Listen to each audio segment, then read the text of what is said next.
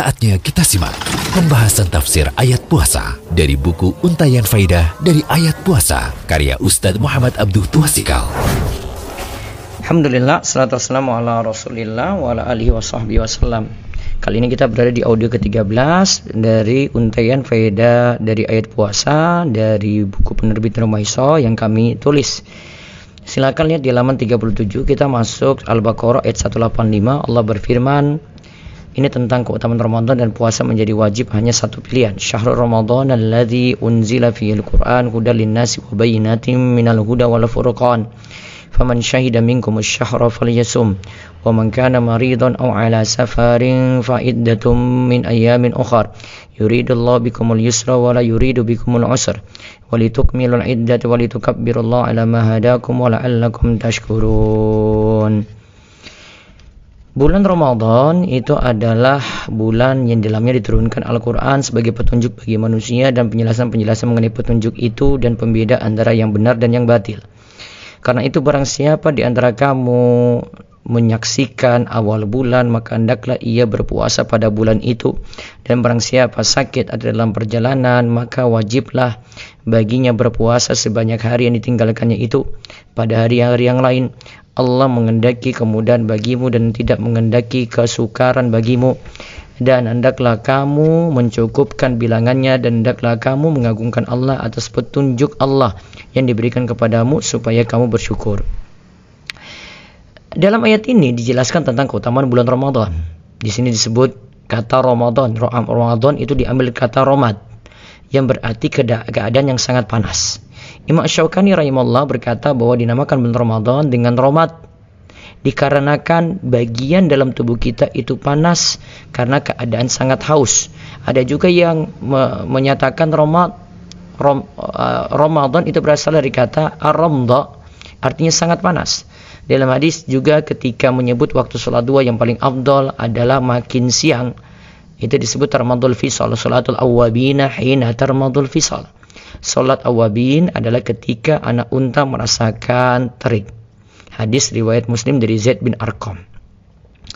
Nah, bulan Ramadan itu bulan Al-Quran. Di bulan Ramadan diturunkan Al-Quran secara utuh dari lahul mahfuz ke langit dunia atau ketika itu diturunkan permulaan wahyu. Dalam hadis Wasilah bin Al-Asqa disebutkan secara marfu sampai pada Nabi Shallallahu alaihi wasallam disebutkan unzilat suhufu Ibrahim alaihissalam fi awali lailati min Ramadan.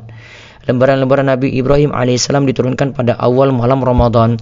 Wa unzilatit Tauratu wa unzilatit Tauratu li sittin madaini min Ramadan. Dan Taurat diturunkan setelah enam Ramadan.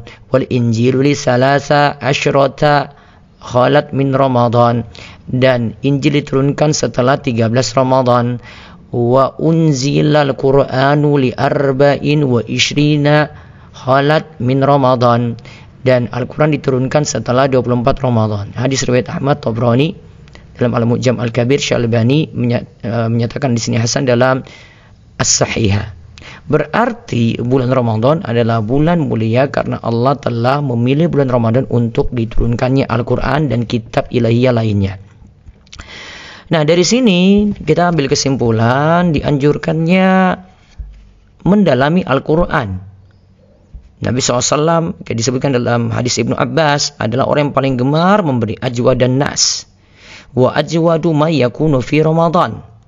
Ya, dan semangat beliau dalam memberi lebih membarak ketika di bulan Ramadan.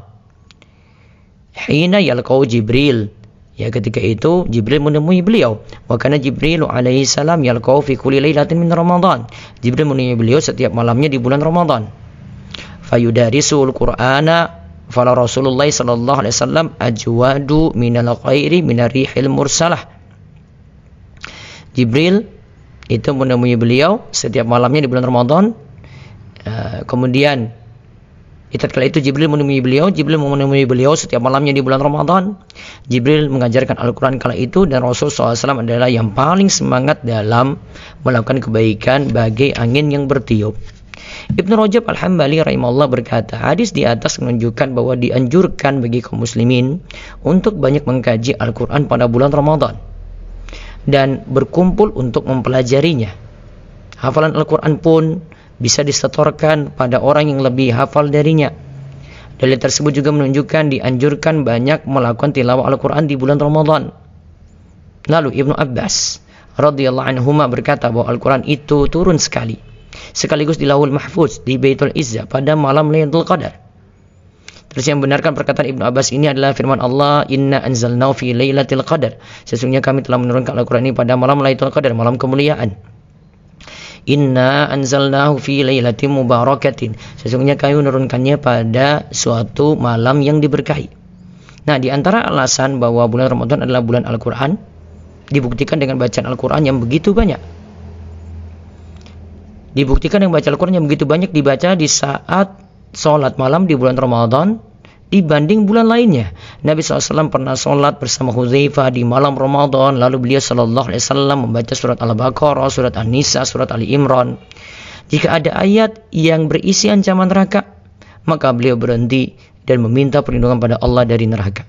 Begitu pula Umar bin Khattab pernah merintahkan kepada Ubay bin Ka'ab dan Tamim Ad-Dari untuk mengimami sholat taraweh. Dahulu imam sholat tersebut membaca 200 ayat dalam satu rakaat. Ingat 200 ayat. Sampai-sampai ada jamaah yang berpegang pada tongkat karena saking lama berdirinya dan sholat pun selesai dikerjakan menjelang fajar. Di masa tabi'in yang terjadi, surat Al-Baqarah dibaca tuntas dalam 8 rakaat. Berarti semakin ringan berdirinya ya. Terus jika dibaca dalam 12 rakaat, maka berarti sholatnya tersebut semakin diperingan. Ini disebutkan oleh Ibnu Rajab dalam Lataiful Ma'arif. Semoga kita jadikan bulan Ramadan bulan Al-Quran dengan membaca, menghafalkan, memahaminya, mengulang-ulang hafalannya, dan lebih lagi mentadaburi hingga diamalkan. Semoga Allah beri taufik. Demikian pembahasan tafsir ayat puasa dari buku Untayan Faidah dari Ayat Puasa karya Ustaz Muhammad Abdul Tuasikal.